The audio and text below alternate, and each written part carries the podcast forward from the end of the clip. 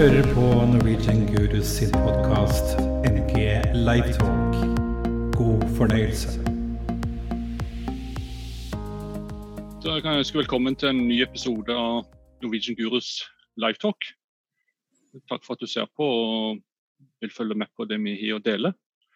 Og I dag ønsker vi spesielt velkommen til David André Østby og Marius Vigart, som vi har vært så heldige å få med oss. Eh, dere skal få lov til å De fleste kjenner vel sikkert mange til dere, men eh, du skal lov til å si litt om dere sjøl før vi begynner å prate litt om dagens tema. Hvis du, David André, hvis du begynner? Du gjør gjerne hei. Eh, David André heter jeg. eh, jeg er lovsangspastor i eh, i Oslo. Og også med lovsang.no, et tverrkirkelig nettverk av lovsangere i Norge. Og har hatt eh, gleden av å samarbeide med dere da, i Norwegian Gurus eh, på flere av våre konferanser. eh, Med seminarer, og dere har vært en kjempeviktig bidragsyter. Og ikke minst bidratt til å løfte en del viktige temaer, som jeg vet vi kommer til å prate litt om i dag også. Så det har jeg vært veldig glad for relasjonen til dere og samarbeidet med dere. Til vanlig så bor jeg utenfor Oslo og er gift med Mariann og har tre gutter på seks, eh, ti og tolv. Og har nå drevet hjemmeskole, eh, Østbys hjemmeskole AS, i en del uker. Eh, Det var minstemann på skolen igjen, så det hjelper jo litt på, men det har jo vært noen annerledes dager. Eh, I tillegg til at vi da driver kirke så godt vi kan. eh, Underviser også på Bibelskolen eh, i Oslo, eh, og underviser i hovedsak eh, våre elever på låssangslinja, der vi har en toårig låssangslinje. Eh, Så det er litt om meg. Eh, Skriver litt musikk og prøver å skape litt. Og denne tiden som vi har vært inne nå også, har vært en sånn god tid da, til å få litt ekstra tid og space til å skape kanskje litt mer enn jeg rekker ellers i hverdagen. Så bra. Jeg eh, takker av deg, David. Jeg heter Marius eh, Vigart og jobber som eh, låsingsleder i Philadelphia Kristiansand. Eh, Innen mitt tiende år. Eh, jeg er gift med Therese eh, og har to små jenter, så jeg har jo sluppet litt billigere unna enn David. Jeg har det litt eh, roligere nå, så får jeg det være når de blir sånn 13-14. Så eh, De er i barnehage, da, så det, den siste tida for oss har jo vært greit når barnehagen åpna igjen. egentlig. Jeg jobber også på bibelskolen vår i Philadelphia Kristiansand. Og vi har også en sånn som jeg underviser en del på. Så har jo litt samme jobb som David, bare at eh, David har skrevet litt flere sanger enn det jeg har, og holdt på litt lenger enn det jeg har. Så eh, men vi strekker oss etter det som er foran, David. Og er det deg, så er det deg. Det er bra. Yes. Men jeg kan jo, få sånn, som jeg sier, du, du sa jo litt om det, David, men, men hvordan har det vært for de som før, eh, i kirka i, hos dere de, i den perioden her? Det er jo en annerledes tid. Ja. Altså, Marius snakker, som, snakker om å strekke seg. Vi, vi har jo ikke kommet så langt på media eh, hos oss eh, som, som det er gjort i Frefjord Kristiansand. Eh, de er jo virkelig foregangskirke når det gjelder å ta i bruk media. Vi har jo snakket om det veldig lenge, mange år, at vi har lyst til å gjøre mer eh, YouTube, TV, ikke sant? Eh, streaming og sånne ting. Um, og eh, har egentlig snakket om det ganske lenge. og Så kommer korona, og så går det fem dager, og så er vi oppe og går. Uh, med livesendinger. Um, eller gudstjenestesendinger. Vi har gjort opptak. Men uh, vi er som oppe og går så fort med noe som har tatt så lang tid egentlig å prate om. Og det sier noe om at um, når vi presses da, og under uh, kriser, eller når, når når det virkelig liksom gjelder, så, så, er vi nødt til å tenke kreativt. Og vi er nødt til å sette alle kluter til. Uh, og vi har et fantastisk team hos oss som har snudd seg rundt kjempekjapt. Både innenfor de som driver med TV, de som driver med lyd, de som driver med rigging, og de som driver med musikk og lovsang og forkynnelse og møteplanlegging. Alt. Så vi er et kjempestort team um, som jobber uh, sammen om dette. Uh, og alle har vært så fleksible og vært villig til å gå inn i nye oppgaver, eh, vært villig til å prøve, feile. har vi også litt av. Så vi føler jo at det har vært en så bratt kurve disse siste ukene, der vi virkelig har kastet oss ut i et nytt område. Eh, som har vært kjempespennende. Eh, og vi ser jo at vi har nådd også mye lenger ut enn vi gjør vanligvis med våre gudstjenester. Vi har jo gjort podkaster i mange år og sånt, og sier at de høres av folk rundt omkring. Men nå får vi også sjanse til å komme enda litt tettere på på nettbrett og dataskjermer og mobiltelefoner eh, der folk er. Og så har det jo vært tror jeg viktig, altså Kirken har vært en viktig stemme i en, i en tid der det har vært veldig mye usikkerhet.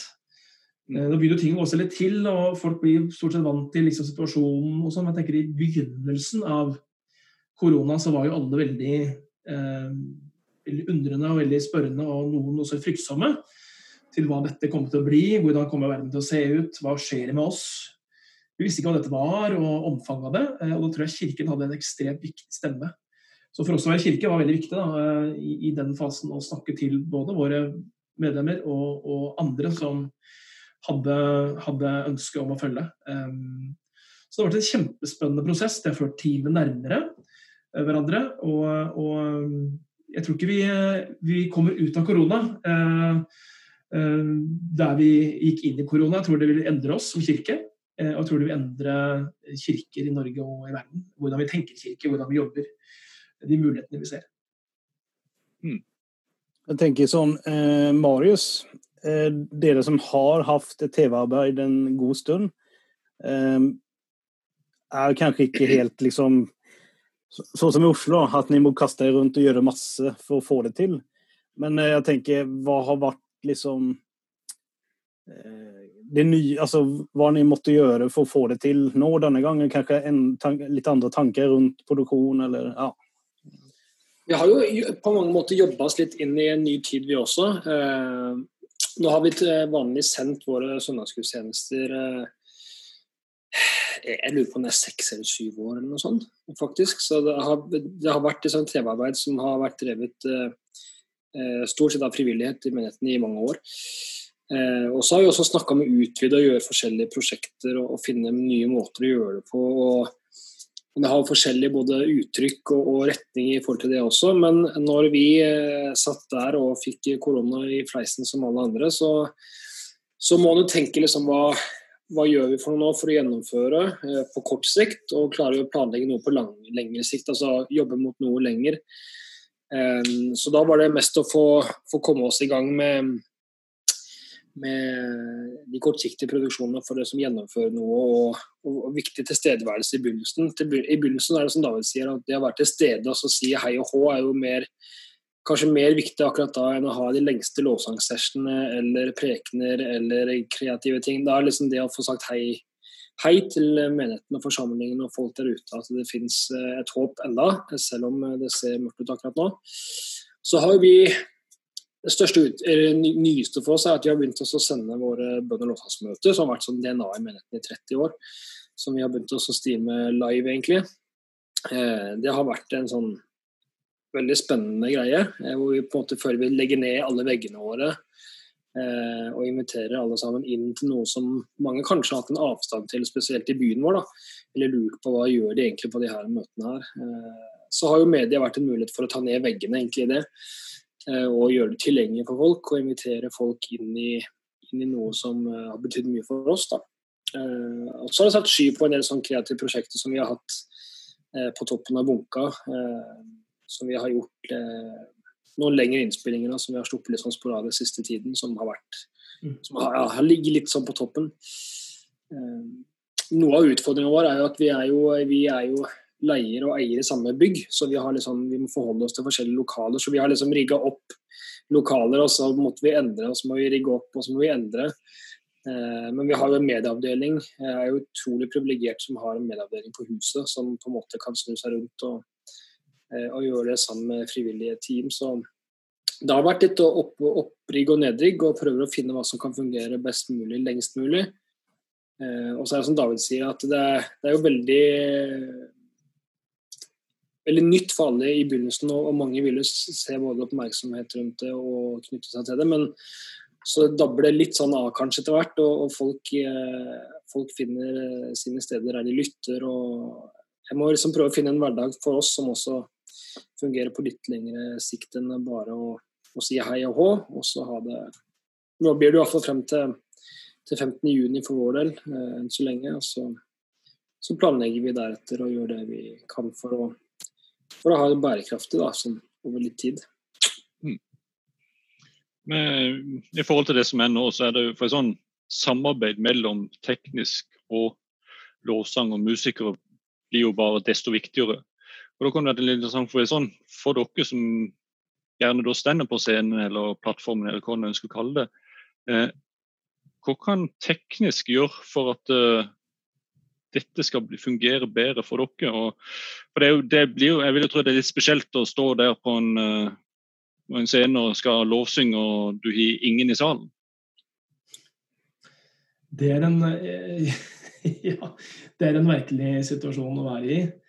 Uh, I starten var det veldig rart. Um, så lærer man seg noen sånne triks underveis som gjør at man i hvert fall liksom får noe å feste blikket på, og noe som kjennes litt mer naturlig i, i øyeblikket. Vi har jo valgt å gjøre å nedskalere uh, våre gudstjenester veldig når vi gjør det online. Uh, så vi har ikke gjort Det er jo kirkeforskjellige ting, men vi har valgt å ikke gjøre gudstjenester fra vår plattform, fra vår hovedsal men å gjøre det i et annet rom. Bygde et TV-studio i huset vårt og, og, valgte å nedskalere det. Eh, noe av det, noe grunnen var jo selvfølgelig litt sånn praktiske ting. Eh, vi skulle avvikle dette ganske kjapt. Eh, og, så var det jo veldig sterke, strenge restriksjoner i starten liksom, på hvor mange kan man være. ikke sant? Mm. må ha to meter mellom hverandre og, og, sånne ting. Så det har gjort at vi av praktiske årsaker har måttet tenke ned hele tiden. Og funnet vårt uttrykk i det som ser veldig annerledes ut enn, enn den energien kanskje og den måte, eh, produksjonen da, som er på en vanlig gudstjeneste hos oss en søndag. Eh, men noe som har vært fint, da, for vi har, da har vi liksom funnet et litt nytt språk og litt nytt måte, ny ramme for det vi gjør. Og så utfordrer det selvfølgelig hva vi gjør i form av lengde. Vi ser at um, man kan få ganske mange views på en, en gudstjeneste, men ser man på tallene, så ser man at folk er veldig flyktige. Så folk eh, logger seg på, og så i løpet av noen sekunder så, så, er det veldig mange som kobler av. Og de retter av mer og mer i løpet av sendinga. Og det er jo det som er den harde sannheten da, eh, med å være et sånt medium som, som på Facebook og andre steder, at folk er veldig flyktige. Eh, og mange føler kanskje at de har sett og vært på gudstjenesten når de har sett fem minutter, liksom. Så det må ta inn over oss. Men til det du spør om, Tom, så er jo vi veldig glad for at vi hadde bygd et, et, et, en, en relasjon i det kreative tekniske miljøet fra før korona. Eh, og jeg skal ikke si vi er ikke perfekte, og, og, og, jeg tror alle og vi også kan gjøre mye mer på dette feltet, men, men vi har hatt teamkvelder f.eks. Uh, i de siste sikkert snart ti årene, der vi har hatt teamkvelder med både uh, låtsangere, teknikere og andre kreative tjenester sammen. Så filmfolka og teknikerne, lydfolka, uh, lysfolka, uh, sangerne, musikerne, de kjenner hverandre. Eh, og mm. har hatt ganske mye felles gjennom ganske lang tid. Som gjør at vi har bygd noe, eh, et fundament som vi har kunnet stå på da når dette har skjedd. Og det har gjort dialog, og kommunikasjon, mye lettere. Eh, jeg sier ikke at det har vært kirkefritt, og klart vi har alle måttet kaste oss rundt og inn i nye oppgaver og løse ting på nye måter. Som ikke er friksjonsfritt. Men vi er kjempetakknemlige for at vi ikke møtte korona uten at vi hadde det som et fundament og et grunnlag. Og da ser vi jo liksom litt hvor viktig den å bygge dette litt sånn stein for stein er. Så tar det lang tid. Mm. Uh, det tar lang tid å få alle til å kjenne seg som en del av noe. Um, man har forskjellige språk, man har forskjellige behov i forskjellige tjenestegrupper. Um, noen ganger kan lovsangerne særlig bli litt dominerende, kanskje litt høylytte i forhold til mange teknikere f.eks. Så det å finne et, liksom et, et rom der alle syns det er godt å være og alle føler man får noe ut av. Det jobber vi med uh, hele tiden. Men, men, vi tror at vi har på en måte fått et grunnlag av noen relasjoner, trygghet, tillit til hverandre, som vi nå nyter godt av. Mm. Ja, for Det er jo en ting som er viktig, som du sier, for sånn det, at, uh, det å bygge relasjonene utenom selve gudstjenesten. At en treffes der og kan kjenne hverandre og ja, vet litt om den andre bare utenom å ja, OK, du står på scenen og du skal ha mm. sånn og sånn lyd, eller du, skal, du vil ha lyset sånn, du skal, vi skal ha teksten sånn. Det er litt det å kjenne hverandre. sånn at en, når, når i dette tidene så kan en ta en prat og dele meninger uten at det blir noe problem. Yes. For det, det blir utfordringer, men da kan en løse det, og en vet hjertet til den andre for, i forhold til tjenesten. Mm. Vi har jo, vi har litt samme hverdag som dere, David, eh, i akkurat det der å, å, bli kjent og sånne ting. Og da, da blir det jo ofte vi, vi, vi, vi prater mye om hvorfor vi gjør ting, eh, nesten før vi gjør hvordan vi gjør. Mm. Eh, for da, sånn som du også sier, Tom, da blir en mer kjent med hverandre. for hvorfor skal, eller hva, hva er hensikten, Hvor kommer dette fra? Mm. Eh, og så har en kanskje allerede opparbeidet seg en relasjon og fellesskap som gjør at en er enig om en retning fra før av. på en måte. Mm. Eh, og da, blir det jo, da drar vi jo i samme retning i, i fellesskapet, og at mangfoldet ikke får true oss eller, eller, eller, eh, skremme oss, men det kan på en måte utfordre oss. Men det kan også gjøre oss eh, bedre og breiere i uttrykk eh, større forståelse og, mm. og være egentlig bedre da, som team. At det får utfylle oss istedenfor å bli skremt av det, tenker jeg. Det er jo fint med sånn som dere sier, det å være sammen og bli kjent på tvers av tjenestegrupper. og ja, Det har jo veldig mye å si. Eh, nå, var, nå var jo du og jeg sammen, Philip, på, på konferanse i vinter. og det, det å tilnærme seg å komme, komme, og prate sammen og si hei og liksom Det har mm. utrolig mye å si, egentlig, for en sånn trivsel i et team og trivsel i et arbeid og kreativt, teknisk, musikk. altså Det er jo samme gata, egentlig. Mm. Og, ja, viktig. Jeg, jeg merker jo det at eh, som lydtekniker, da, om man skal ta det her samarbeidet, så, så er det så mye lettere om man lærer kjenne folk. For da vet man ok, ja, men han låter sånn, eller hun låter sånn. Eh, Mm. det soundet eller på gitaren hans eller eh, det instrumentet altså, At man lærer kjenne hverandre og kan snakke sammen, for da vet man mye mer ja, men, OK, skal man skru monitor, da, til eksempel? Ja, men jeg vet at ja, men David vil ha det så og så, eller Marius vil ha det så og så. Eh, for man har lært kjenne hverandre, man har snakket mye med hverandre. da. Eh, det gjør jo hverdagen lettere for meg, og det gjør hverdagen lettere for dere som står eh, på plattformen. Eh, så, jeg, så jeg, jeg, tenker det er A og O. Ehm, jeg kan ta et eksempel da, som eh, Vi har jo en kille som heter Eivind Bugge i eh, Hillsong Oslo. Vi har jobba veldig tett sammen, og skrudd, jeg har skrudd mye lyd. Men han er veldig opptatt av liksom, hvordan låter gitaren min. hvordan låter det i P-en? Er det noe jeg skal endre? Og da kanskje jeg sier, for vi, vi har lært kjenne hverandre såpass godt at ja, på den bridgen som kommer der og der, da blir den for spiss. Er det noe vi kan gjøre? Ja, ja, selvfølgelig. Kan jeg tune inn.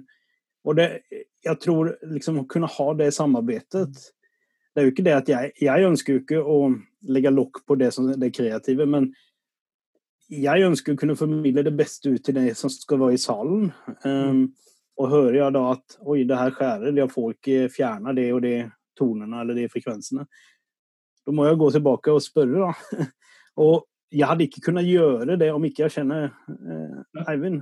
Um, så det er jo liksom det her å kunne samarbeide, og just det at man lærer kjenne hverandre eh, utenfor kirka, på en måte. Altså i, i um, Connect-grupper eller i fellesskap, ute og ta en kaffe eller Ja. Det moment der betyr utrolig mye når vi da i sin tur går inn i kirka og skal gjøre noe sammen tenker jeg. Yes.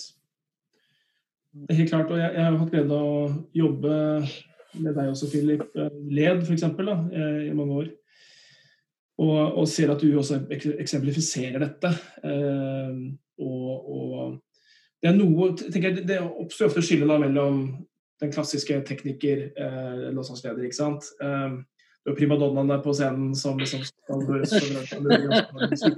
i bakgrunnen. Og så oppstår attention. Jeg har vært på jeg kunne i flere timer om morsomme opplevelser med overpå låsasledere og litt, uh, litt sånn passiv-aggressive teknikere. Og så har du liksom disse konfliktene. Og, altså det, ja, vi kunne skrevet bøker om det. Um, men det er den klassiske greia, og, og, og, klart, det er kanskje litt satt på spissen. da Eh, for jeg tenker at, at vi er forskjellige folk. Eh, men, men, det er noe med å finne det rommet der vi kan gi hverandre tillatelse til å snakke inn. da. Mm. Innenfor hverandre, og kanskje tråkke litt inn i hverandres felt. Eh, dette tror jeg ikke handler bare om teknikere, og sangere og musikere. Jeg tror det handler om at vi som mennesker, når vi gjør noe, så kan vi fort bli beskyttende også overfor det vi driver med. Og si at jeg, jeg er spesialisten. Hva Og Philip med hvordan jeg synger eller hvordan jeg spiller, liksom. Fordi han er teknikeren, jeg, jeg, det er jeg som gjør dette.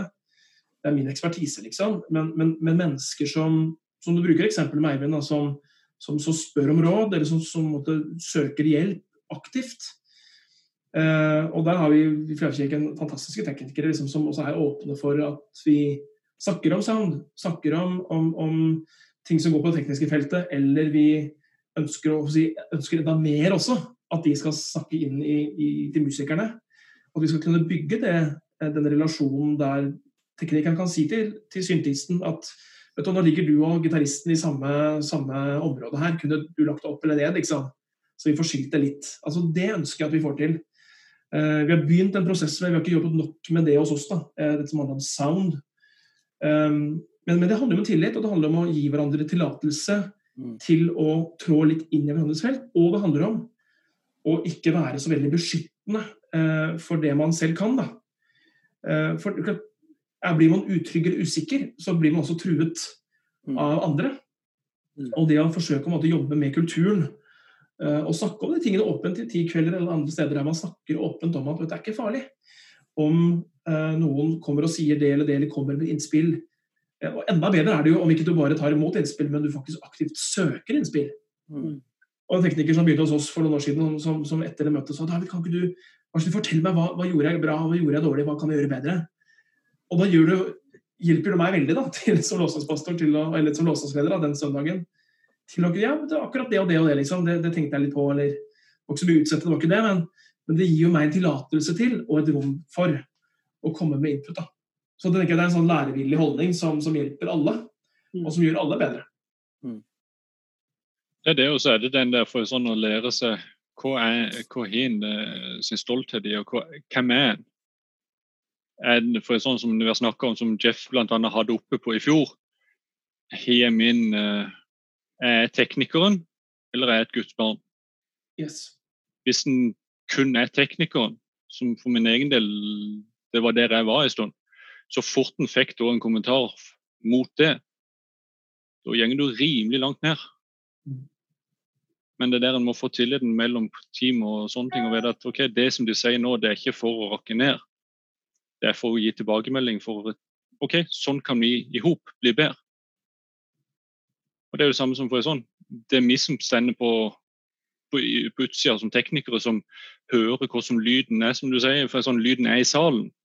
Og Det som uh, høres fint ut i ørene for en sånn, pga. at en kanskje ikke har alt der, eller en har noe som er litt lavere og sånn, da fungerte det greit. Men ut i salen, så, som du sier, det høres ikke greit ut da må en kunne ta den praten med de som er på scenen og si at mm.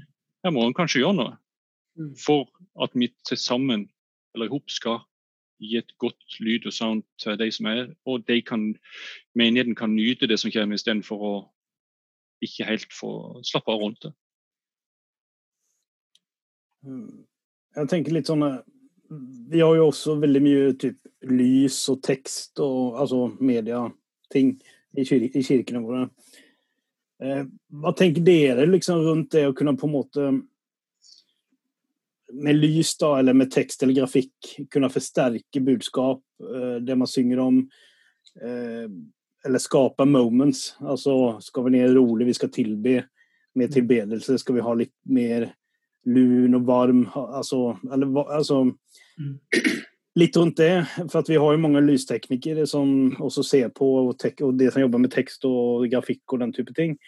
Eh, jeg tenker jo sånn, bare for å kaste det ut, at de har en utrolig viktig rolle, det òg. Altså, altså, lyd, ja, vi må høre det som skjer, men så må vi jo kunne se det som skjer på scenen, og kunne være med og synge, f.eks. i tekster, nye sanger etc. Hva tenker dere rundt det?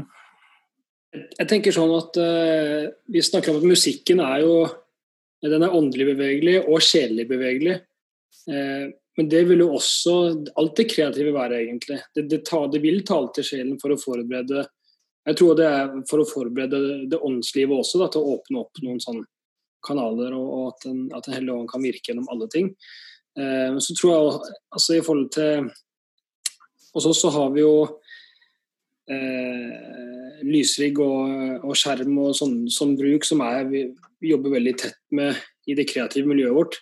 Eh, hvor de spør om sanger lang tid i forkant, og de kan på en måte forberede uttrykket etter hva Hvilken type gudstjeneste er det? Er det klokka 11 for hele menigheten? Er det, er det, er det en ungdomssamling på en fredag, eller er det en, type setting, hva, hvilken setting er vi? Og så setter vi noe sånn presets i det, egentlig, som handler om nysetting og plassering og forskjellige ting. Um, og skjermbruken skal også være uh, i tråd med liksom, hva, hva inneholder gudstjenesten, og hvilken retning har den.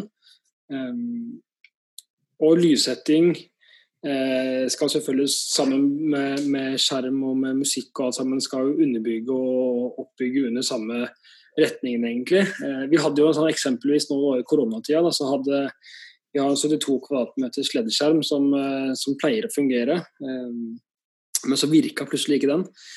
Eh, så da blir litt sånn så lagt opp alt hele løpet til å presentere en ny taleseer, og alt skal være litt sånn Nå kjører vi på med skjerm. Så var denne helt svart, da. Men da har det kreative teamet og de som satt på både AV, skjerm og, og lys, snudd seg rundt, rundt og så lagde liksom nye presets for lyssetting på skjermen på en måte for å, for å skape eh, en, en, stemning eller legge til rette for å, å, ha gudstjeneste i et annet uttrykk. Eh, så jeg tenker det er helt vesentlige ting som virkelig eh, underbygger og gjør oss klare for å være i gudstjeneste. Eh, vi har jo hatt de der, du vet de her sykehuslysa. sånn der, tynne rør, lysrørsetting som ser ut som du har kommet inn på røntgensenteret. Eh, sånn hadde jo vi i vårt lokale i så mange år, så jeg er jo helt hugæren. Eh, men det, det, gjør jo også faktisk noe med stemninga, tror jeg, eh, og kan gjøre det kaldt og ubehagelig, rett og slett. Så lys og, og de tingene der er jo vesentlige for å sette et uttrykk, tror jeg, altså, og retning.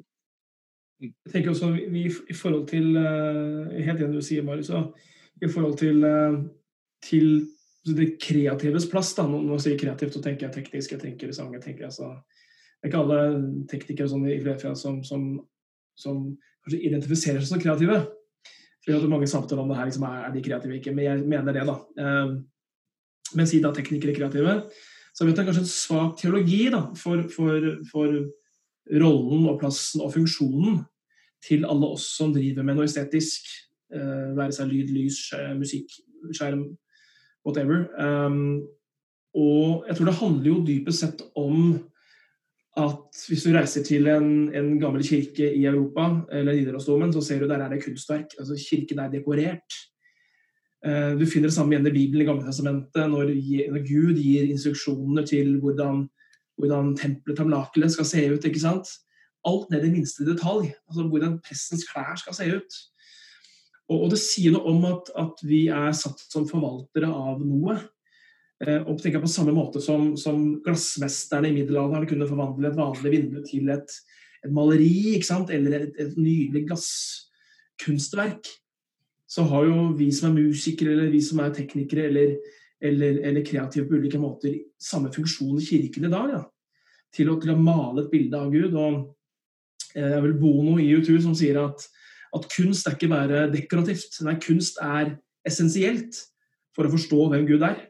Mm. Gjennom metafor som vi forstår hvem Gud er. Når vi leser Bibelen, så, så, så, så beskrives jo Gud veldig ofte i, som, i metafor. ikke sant?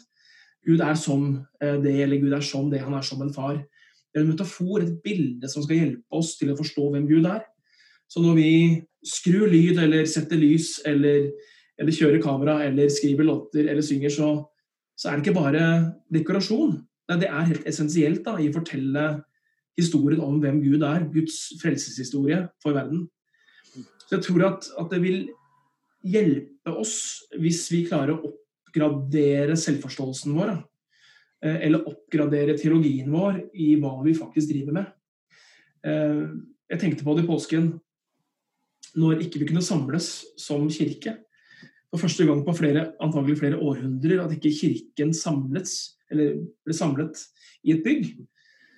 Så tenkte jeg på eh, den velsignelsen det var å ha Spotify, f.eks. Eh, å ha en spilleliste med påskemusikk. bare I min barndom så, så var det umulig, fordi at da måtte du i en platebutikk og kjøpe den CD-en.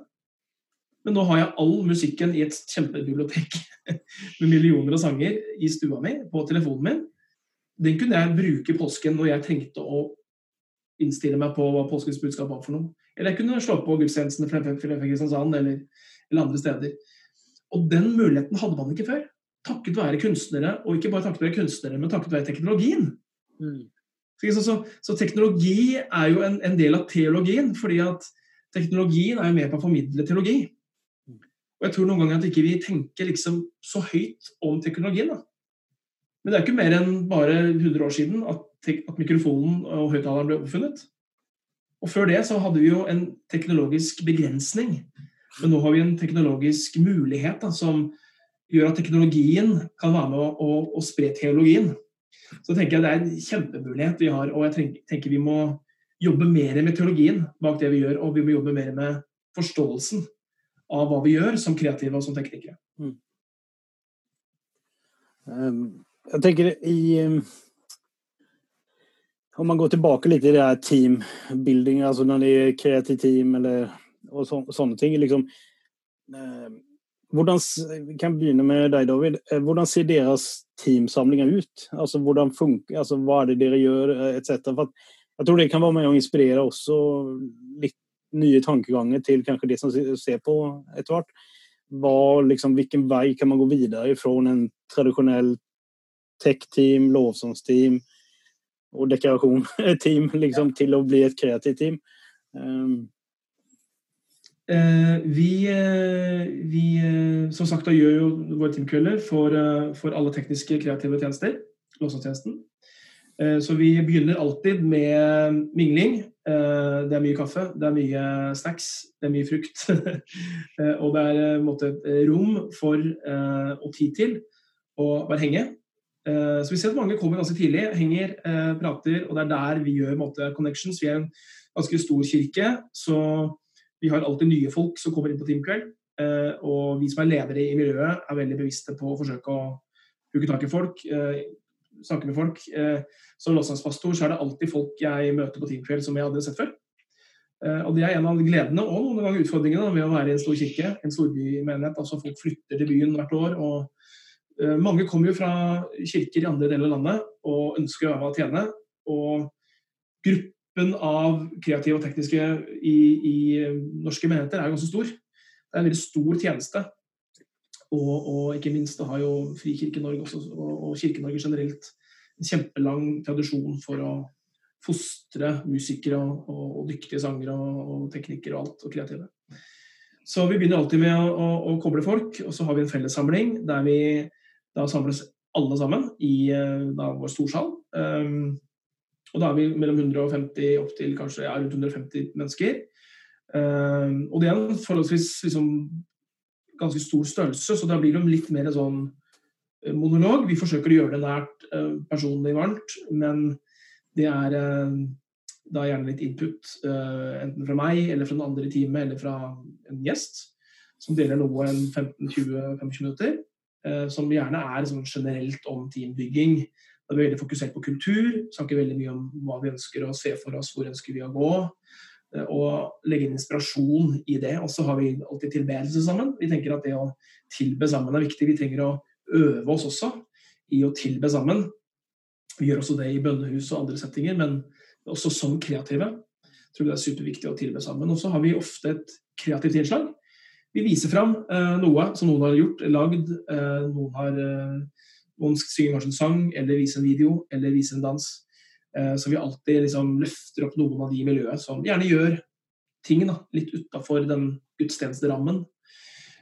Og så deler vi oss. Vi har en liten pause, deler oss i grupper. Da går da hver gruppe i sine grupper. gruppe i sine grupper, det var veldig sånn på flest. Så sangere for seg, musikere for seg, video, dans, estetisk, teknikk, lys, lyd, altså alle disse gruppene. Eh, og da har vi da litt ulikt innhold. Noen ganger så uh, har vi, um, har vi litt sånn konkret praktisk øvelse, eller man jobber med et konkret prosjekt. Eller man planlegger for veien videre. Noen ganger så gjør vi helt andre ting. Vi møtes i hjemmene f.eks. Har kun sosialt. Så litt forskjellig. Eh, og i disse dager så har vi vært på Zoom da, eh, og gjort det der.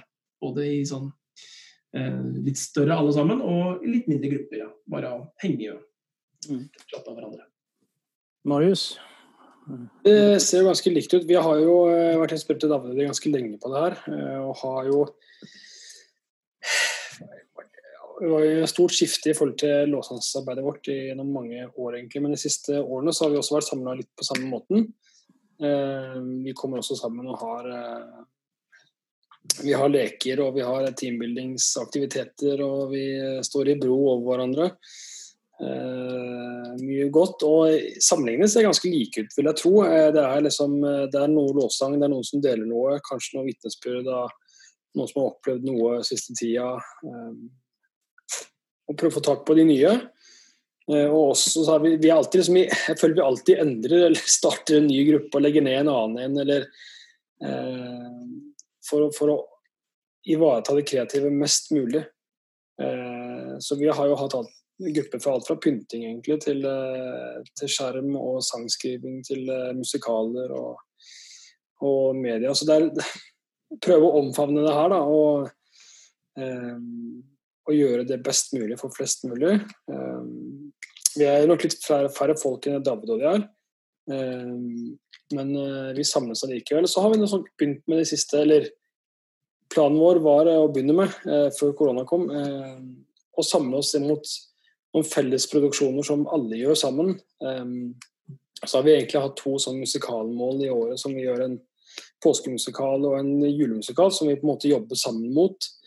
Eh, som både vår bibelskole er en del av, eh, og vårt kreative miljø. Eh, jobber på en måte og ha noen sånne prosjekter som vi gjør sammen. på en måte. Så Når vi er sammen i samling, så har vi kanskje noen mål de siste tre-fire ukene. At da er det dette vi jobber mot og, og bruker tiden på. Og, så tenker jeg det er viktig at vi ikke bare blir det er som, som, som jeg snakka om i stad, David, at de, alle, alle, vi primadonnaer eh, Men det, det, er godt å høre fra mangfoldet i et team. Eh, og jeg tenker vår, eh, vår største styrke er jo fellesskapet. Eh, mangfoldet i fellesskapet.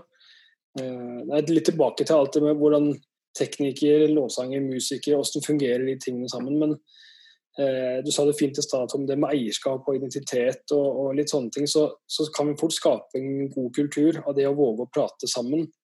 Eh, og ikke om alltid eller, eller, bare til, men prate med. Eh, så våre samlinger er litt sånn samme som David. Og så er jeg litt inhabil, for, for, en av våre teknikere er jo en av mine beste venner, så det, vi blir liksom veldig gode venner. Eh, men jeg tenkte på det når vi snakka i stad, at eh, vi må forstå hvor vi går hen. Eh, om du er på lys, om du styrer tekst. Så, våre tekstfolk ah, Det er jo redningen eh, til livet. Det vet sikkert David alt om også. Eh, men det er jo å ha folk som er dedikerte til å til å underbygge og sette retning sammen, er jo betyr jo ekstremt mye. Jeg tenker sånn For lydteknikker, å vite hva kommer for noe nå. Kommer det, kommer det en ny del hvor bytter, bytter vi solist plutselig, så kjenner han dynamikken i teamet til at da må jeg, da må jeg fade den eh, opp og den ned.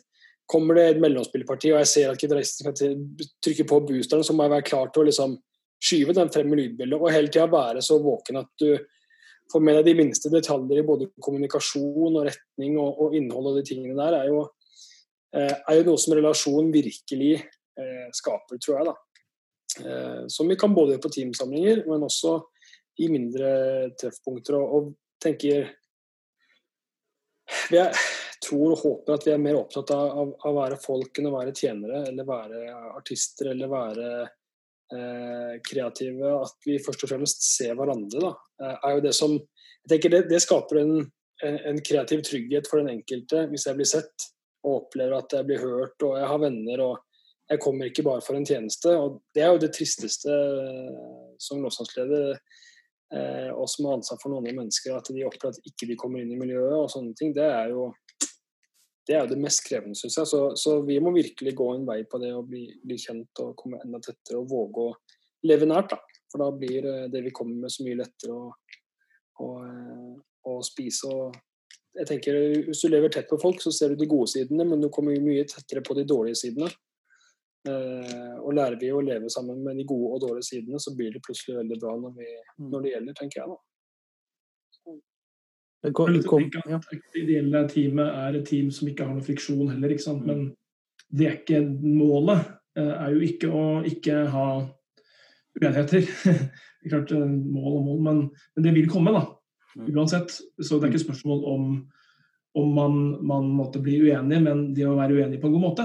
Eh, og, og som jo allerede er berørt her, det å, og at det er ikke noe farlig. da. Eh, for vi er alle kreative mennesker som gir av, av det vi har, og vi gir eh, vårt beste. Gir vårt ytterste. Eh, ofte så er, jobber vi sammen når vi er på vår, vårt mest slitne eller mest sårbare. Eller eller mest sarte. Og tenker jeg da er det helt naturlig at det blir konflikter, da. det blir friksjon. og det må vi bare leve med. Så må vi bare lære å, å takle det på en god måte. Eh, kommer inn på neste greie. Det er hvordan får vi inn flere folk på team? og hva, er liksom kriterier, eller hva skal man se etter, eller hva, hva For at jeg tror de fleste, even store menigheter som dere, sliter fortsatt med å få nok folk på team eh, i forhold til eh, det som skjer i menigheten og møter etc. etc. Så den, den, den eh, spørsmålet er, vil nå dekke de fleste menigheter generelt sett. Eh, har dere tanker rundt det, å få inkludert folk? Eh, hva skal man se etter? Ja.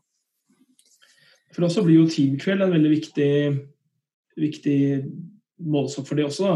For det første så er det et bra sted å invitere med seg folk. Det er lav terskel, så vi sier det er ikke bare for de som er i team, vi sier teamkveld er for alle som er på team og ønsker å bli det, eller er nysgjerrig på hva vi driver med. Så vi inviterer folk i stor grad til teamkveld, kom og se. Eh, Forhåpentligvis er det de ser da noe som er inspirerende, og som gjør at de har lyst til å forbli i tjeneste. Um, Men for meg som låsingspastor så er det viktigste ikke først og fremst hvilke gaver talenter folk har, for det er veldig mye folk som før vi kommer til Oslo.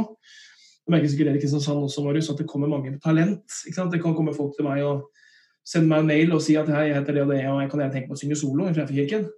Jeg har aldri sett personen før, ikke sant? Og, og da blir jeg litt sånn, ja eh, Det er ikke helt der vi begynner, da. Eh, kom på teamkveld, kom og se hva vi gjør, kom og bli kjent med hvem vi er. Eh, og, og vis gjennom din tilstedeværelse at du er interessert. Og Det sier jeg til mine bibelskoleelever også, at det viktigste, det viktigste er ikke hva du kan. Eh, Det viktigste er at du viser at du er interessert, at du lener deg inn, at du, at du, at du, at du er til stede. For bare ved å være til stede, da. Det å være til stede kan ta deg så mye lenger Mm. enn det talentet ditt kan. Eh, Holdningen din til det du gjør, kan ta deg så mye lenger enn enn hvor langt du har kommet i, i, i tjeneste eller i utvikling av gavene. Så jeg tenker at det er mye lettere å gjøre en, en person en god holdning til en god tekniker eller god musiker, enn motsatt. da. Eh, For det, holdningen handler om hvem du er, og hva du måtte brenne for, og hva du har fanget og grepet. Um, og det er håp for alle, det er ikke det, men, men jeg har gjort dette lenge nok til å se at, at det er noen mennesker du kan forsøke å motivere over lang tid. Men du, det blir bare liksom å motivere de opp den siste kneiken av bakken. Liksom. Men det blir ikke noe langsiktig i det. Og jeg er ikke en sånn veldig glad i å jogge og sånn, men, men, men, men eh, når jeg jogger, liksom, så, så kan du kanskje motivere meg liksom, til å tvinge meg selv liksom, opp den siste bakken, men det gjør meg ikke til en jogger. For det vil bare bli smertefullt, og det blir, blir en dårlig erfaring. da. Så hvor er de menneskene som, som har den indre driven, indre motivasjonen? Eh, og det er frivillig å være et team, det er frivillig å tjene, det er frivillig å, å være sanger, musiker og tekniker. Vi må gjøre det av det Paulus sier, å gi av et, et glad hjerte. Eh, og når vi gir et glad hjerte, så, så vil ikke den motivasjonen komme utenfra der en pastor eller noen står og liksom Kom igjen, kom igjen! Mm. Da vil det vekkes noe fra innsiden som jeg tror er viktig. Noen ganger så trenger vi selvfølgelig ytre motivasjon, men jeg har veldig tro på den indre motivasjonen, der gavene matcher oppgavene. Ikke sant? Og når gaven matcher oppgaven, så skjer det noe, da. Eh, Og da kommer det fra innsiden, da springer det fram. Og da betyr det nesten ikke noe hva jeg som pastor gjør, liksom, om jeg heier eller ikke, fordi at det er folk som går og går av seg selv. Eh, Så jeg tror da veldig på det. Å finne de folka som, som, som lener seg inn, som er til stede, som viser en interesse.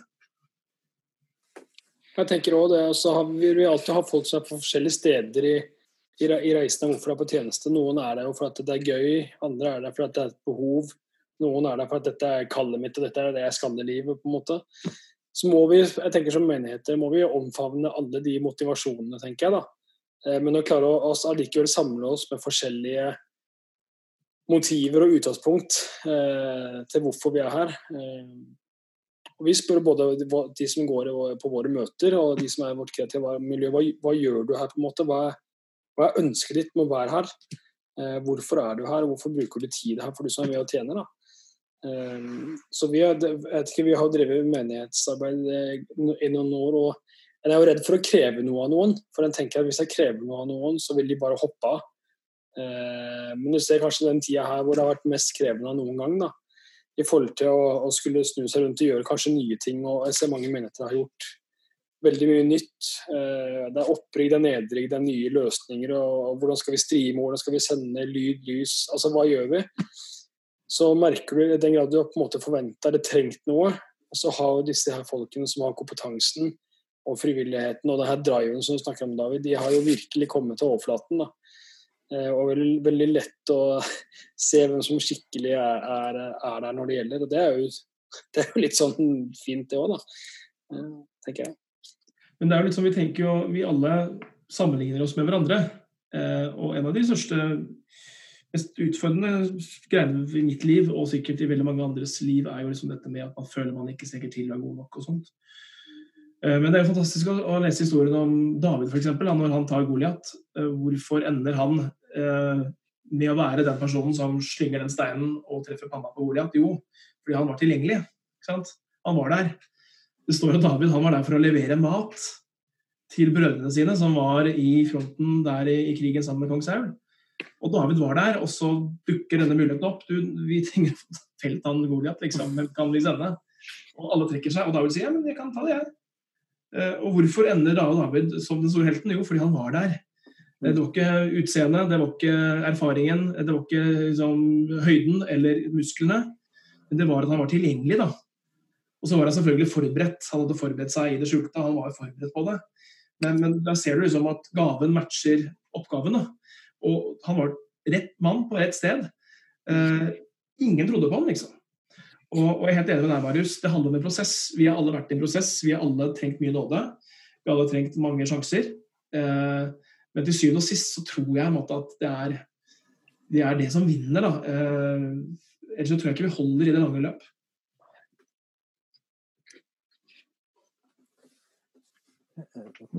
Veldig bra. Um, ser litt i forhold til klokka og sånn, men en liten sånn ting. Jobb, måte å jobbe for, sånn, for å få lovsangen til å låte sånn som en vil.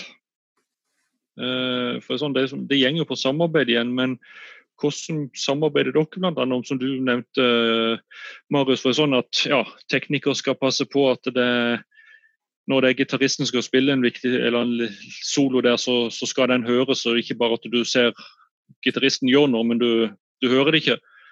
Uh, og at lyset skal treffe der det skal, og tekst skal stemme. Men hva gjør dere for noe for å få bygd de tingene? Vi, eh, vi bruker mye tid Jeg føler, jeg føler jo eh, De siste årene så har folk vært veldig godt forberedt når vi kommer sammen. Så når vi kommer til, til, til møtedag, så, så, har vi liksom god tid på å sette lyden og sette uttrykk og sette de tingene her. Eh, det forutsetter jo at folk er forberedt. da. Rett og slett Både at eh, teknikere vet hvem som kommer, og har, at det er en oversikt på hvem som kommer når. og hva, hva, skal være klart i forkant, alle de tingene her. Når jeg tenker når musikerne kommer til dekka bord, så er det ikke for at de skal bli opphøyd, men det er bare at de skal, de skal kunne gjøre det som er sin gave igjen, da, rett og slett. Eh, og det er ikke noe sånn, En, en, en skiller kanskje et menneskelig sett på et eller annet vis, fortumla opp i huet alle mann, men, men, men, vi må skjønne at vi har forskjellige gaver, som David sier. Eh, og så kan musikerne komme. og da tenker jeg Når de er forberedt, så har vi god tid til å bruke mye tid i låssang før et møte. da. Mm. Eh, og Det har vært en arena hvor vi blir kjent, tenker jeg, eh, rett og slett, med, med teknikere. og En prater om ting som skjer, eh, og hvorfor skjer det. Så har vi vært ekstremt mye sammen over mange år, og da blir du liksom jeg tenker Hvis du har noen bærere i team, eller noen, noen eh, Vi prøver å ha noen bærere eh, som har vært i menigheten en stund, og som på en måte bærer DNA-et. Da, da er det veldig smittsomt, tror jeg. Eh, både i forhold til retning og uttrykk, så tenker jeg at det, det gjør seg litt sjøl, eh, med tid og tydelighet og kommunikasjon. Eh, og så er det viktig det å prate. Hva skjer for noe nå? Fikk du med deg det som skjedde? Nå sang hun en, en spontan del, kanskje, som ikke var noe lyd på. Var det noen årsak til det, eller? Så, så jeg tenker det Nå har nok jeg vært sånn Jeg kunne vært litt tydelig opp igjennom. Eh, men hvis ikke en tekniker får med seg at det skjer noe fra scenen, så har jeg rett og slett sagt at da, da, da kan du ikke styre lyd eh, for oss på det, øyeblikk, på det tidspunktet her. Det, det, er noe av våre krav. da. For at Hvis ikke ting fungerer i forhold til hva vi ønsker å få ut, så kommer vi jo absolutt ingen vei. og Da blir det jo bare at jeg får stå på min post for at her vil jeg stå og her vil jeg være. Det er som å ha en gitarist som spiller en feil toneart. Eh, han kan jo faktisk ikke være der før han kan spille riktig toneart. Så, så på en måte hva når, når, vi kommer sammen som menighet, så, så, tror jeg individualismen den, den, er nødt til å dø litt. Jeg bringer hva vi enkelt bringer til bordet, men individualisten i, i jeget må egentlig dø, tror jeg. da. Det, det mener jeg helt på ordentlig. Og så er den forbeholdt andre arenaer eller andre uttrykk. Og Det tror jeg vi som Lovsangs-Norge og, og, og, og menigheter kan, kan, være bedre på å nå de menneskene som har en annen type tjeneste enn en menighetstjeneste. Men Det blir et annet kapittel og en annen samtale. Men, men, men, men jeget må dø, og så må mangfoldet få lov til å eh, leve. Og da er det jo da kan ikke mine musikkpreferanser sette et uttrykk. Eh, nå er jeg 30 år. Eh, David, du er jo i slutt av 30 år eller noe sånt. Hvor gammel er du, David? Ja, der ser du. Men, men, så, men, men, vi vil jo ha forskjellige preferanser fra en på 20, da, eller 25, eller en på 60 eller 70. Så da må jeg tenke lederskap med å sette dette uttrykket ønsker vi. Og så må det musikalske uttrykket i forhold til lyd, og musikk, den, den, tenker jeg må Der må mangfoldet utfordres, strekkes. Eh, og der er det ikke noe sånn fasitsvar. Da. Da tenker jeg finne den, den enkeltes identitet som menighet, og, og, og, våge å gå for det. Noen vil ha soul, noen vil ha gospel, noen vil ha punk og noen vil ha rock. Men prøv å få samla det til hva, hva, er vi? Hva er oss for noe? Eh, uten at det blir battle eller Hillsong eller Elevation eller de her liksom, store man tenker, så må vi jeg har veldig tro på at vi må finne vårt. Det er en kampsak. Så ja, det var mye på mange ord. Nå skal jeg legge til en liten ting der, veldig bra, Marius. Så jeg tenker at uh, igjen da sammenligning uh, dreper så mye. Um, for det er så lett å tenke at man skal være sånn da Hillsong eller som, uh, som Frefia Kristiansand eller andre kirker som man ser til. da. Men jeg har så tro på å jobbe med det teamet man har. Man er jo ikke en andre enn en de man er. Og de folka man har, må man se på som en gave som er gitt. Um, og så tenker man alltid at det er grønnere og gresset grønnere på andre sida av hjernen. Liksom. Uh, men det er ikke det. Uh, noen er inne på det at selv store menigheter har ressursutfordringer. Uh, det er bare at oppgavene er flere. Uh, men folk mangler alltid. Så, så, se på Bygg de menneskene du har. Og, og så sier jeg ofte til når jeg har lovsangsseminar at betjen det rommet du står overfor prøve, og det tenker jeg både teknikere og, og, og sangermusikere også, at, at, vi må betjene det rommet vi står overfor ved å spille på det tenker jeg rent fysisk det rommet. Uh, jeg har spilt nok konserter liksom gjennom åra og hatt nok låtsangskvelder. og noen ganger så har jeg liksom skjønner jeg at vi har overspilt rommet helt. altså Nesten blåst ut rutene. Uh, ikke sant? Og, og, Det er sikkert greit i en, en konsert en kveld, men, men, hvis det blir liksom greia på møtet søndag til søndag, så, så, er det ikke rart at det kan bli konflikt da, rundt dette som handler om lydnivå eller musikk og sånn. Men spill på lag med de menneskene du har, og på lag med det rommet du befinner deg i. Og enhver musikkart har jo oppstått og blitt preget av det rommet den har oppstått i. Så blues høres jo som det gjør, for det oppstod på klubbene i, i sørstaten. ikke sant? Og så kom Bruce Springsteen og tok bluesen til arenaen, og så ble det det vi kaller for arenarock. Eh, og veldig mye lovsang som vi hører på i dag, er arenarock. Eh, spilt inn på store stadioner i Atlanta eller i, i Sydney. Og Det er den musikken vi forsøker å gjenskape på bedehuset med, med, 50 eldre mennesker. For å sette veldig på spissen. da. Og Denne utfordringen står vi overfor i Fileterkirken også. At, at, at, diskusjonen musikkstil, sangvalg, lydnivå, den kommer opp stadig mellomrom. da. Og, og, det er fordi at, at vi ikke alltid klarer å spille på lag med det rommet, de begrensningene som settes. Og så er det sånn tro på begrensninger. For jeg tror at Begrensningene gjør at vi må finne smarte løsninger. Og det har jo korona vist oss, at, at plutselig fikk vi en begrensning. Kreativiteten blomstrer ikke best når vi har alle muligheter. Nei, kreativiteten blomstrer best og har best kår når vi har begrensninger. Da må vi finne løsninger og konkrete, og konkrete kreative løsninger. Så jeg vil tro på det, men jeg tenker spill på lag med folka du har foran deg, og spill på lag med det rommet du befinner deg i.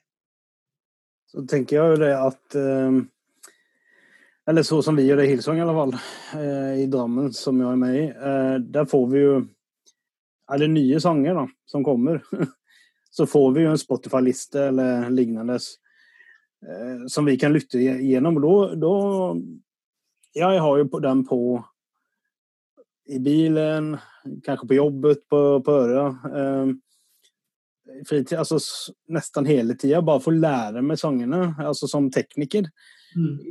Eh, nå kanskje man gjør endringer, altså man kjører flere bridge eller flere altså, altså Bestykningen kanskje blir annerledes, men just det å lære kjenne musikken som vi skal jobbe med, da.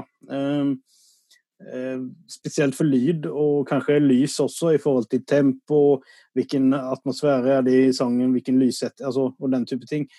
Men for meg som lydtekniker har det hjulpet sinnssykt mye eh, med å ha en Spotify-liste på ok, 20 sanger.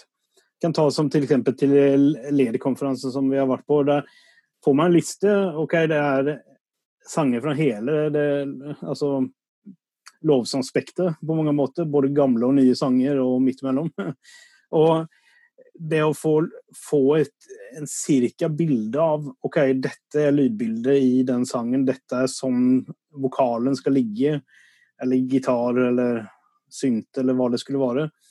Jeg tror det kan være en veldig god pekepinn på liksom at ok, lytt veldig nøye, for det er jo for en musiker som har en gitar, kan han øve hvor mye som helst hjemme på, på, på rommet sitt. Mens jeg som tekniker har ikke kanskje ikke mikser og full pakke og flersporsopptak, så jeg kan sitte og mikse hjemme. ikke sant? Ikke det stua? Nei. eh, og da tenker jeg at eh, å lytte på musikken, og lytte på liksom er en veldig god vei. Altså å på en måte lære kjenne lyd, lydbildet og instrumentet og lyd.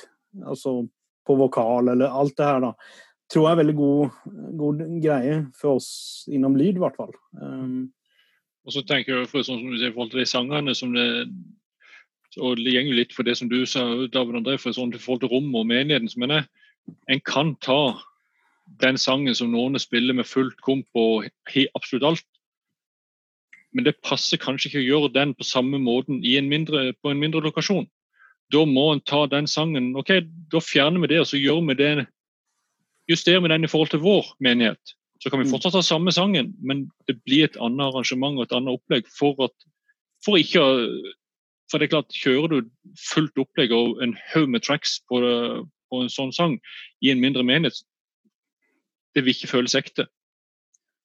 Så det er det å tilpasse det til den menigheten du er i. Mm. Og ikke minst kanskje også det utstyret man har tilgjengelig. da. Altså, jeg tenker, ja.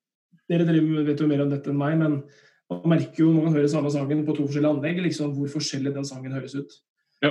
Og man har jo også ikke bare begrensninger i forhold til, til forsamling eller til rom, men også til lydutrustning. Mm. da. Ja. Som gir en veldig klar begrensning, og som man også må spille på lag med. Så bare litt sånn praktisk hva vi har gjort i Drammen, så har vi preproduksjoner. Eh, en på høsten og en på våren. Der den, nå har det vært meg da, de siste gangene som har satt lyden i lokalet. og Dels tunet anlegget og gått gjennom alle de parameterne.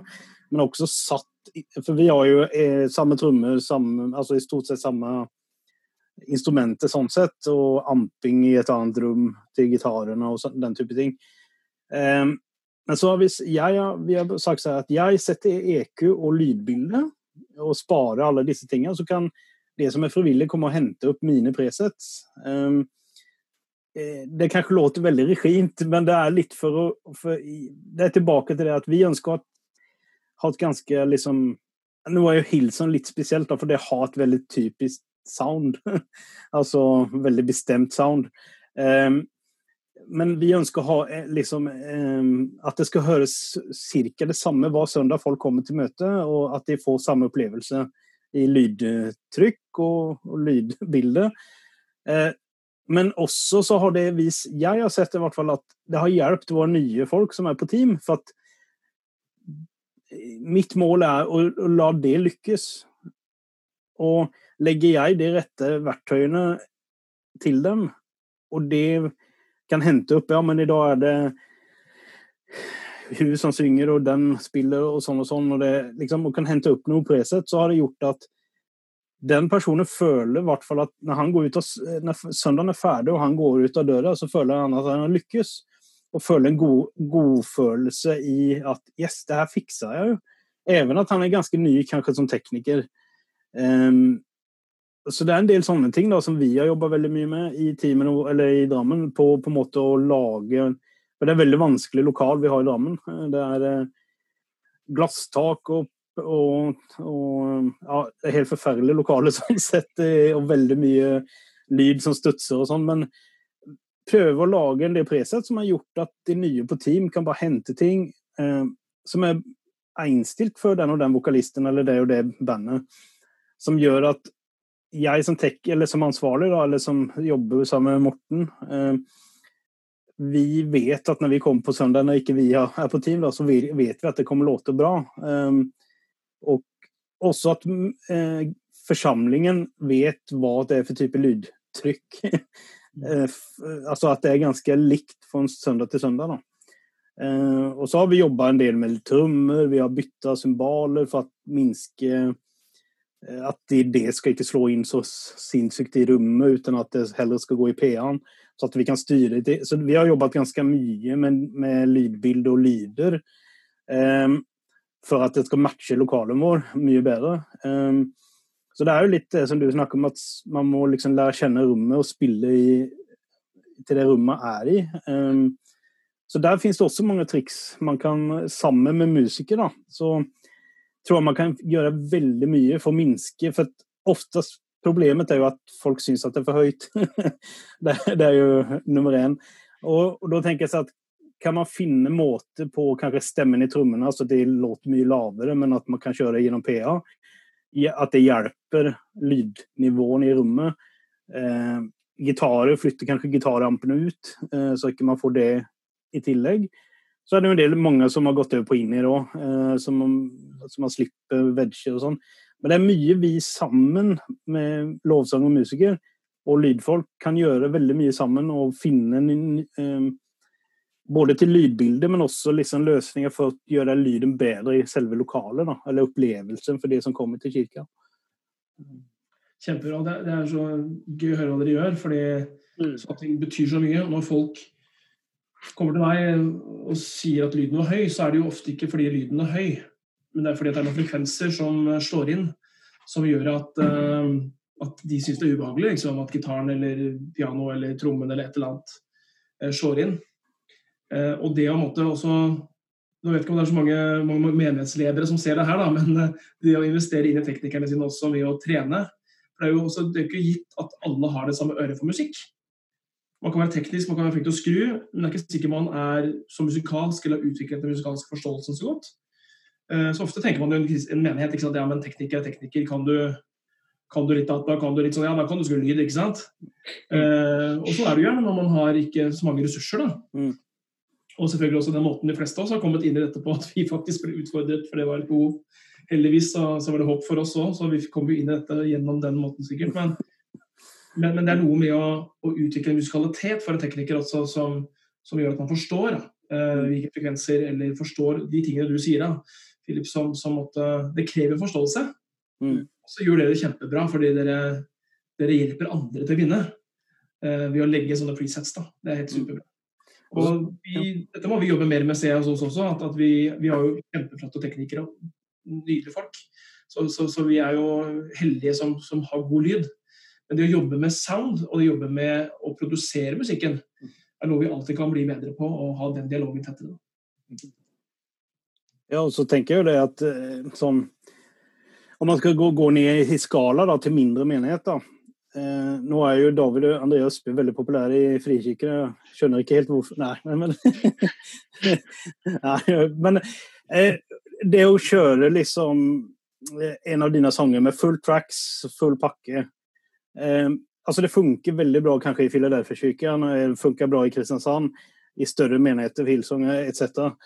Men det kanskje ikke er helt det samme å kjøre eh, trackspakka i, i, ehm, i en 50 personers menighet, eller altså en mindre eller et bedehus. Eh, et, altså den type setting. Og jeg tror, som vi har vært inne på innan, det er jo liksom å finne sitt sound. Alltså, eh, och det merker man jo veldig, eller i hvert fall i forhold till eh, Philadelphia og i Oslo og Philadelphia Kristiansand. Det har jo virkelig funnet liksom erat mer eller mindre sound for dette er det vi gjør, og, og dette man i hvert fall jeg hører det veldig fort, så fort noen slår på ja, men det kommer derfra. For man, man kjenner igjen en del ting.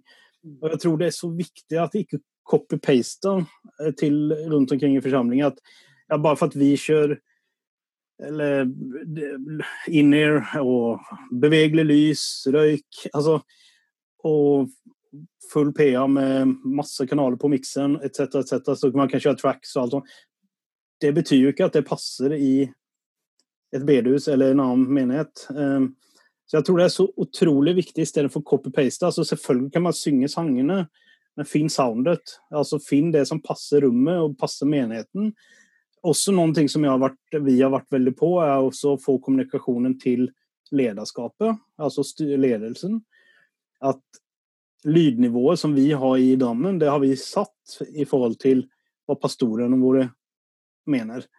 Så det er en trygghet for meg. For at kommer det folk og klager, så kan jeg si da får du ta med pastoren eller med lederskapet. Eh, det, men det gjør at eh, Om du har nye på team, da, og det står der og mikser, ikke sant? og så kommer det noen og skriker litt for høyt, for høyt, så kan man bli veldig satt ut av det, altså der og da.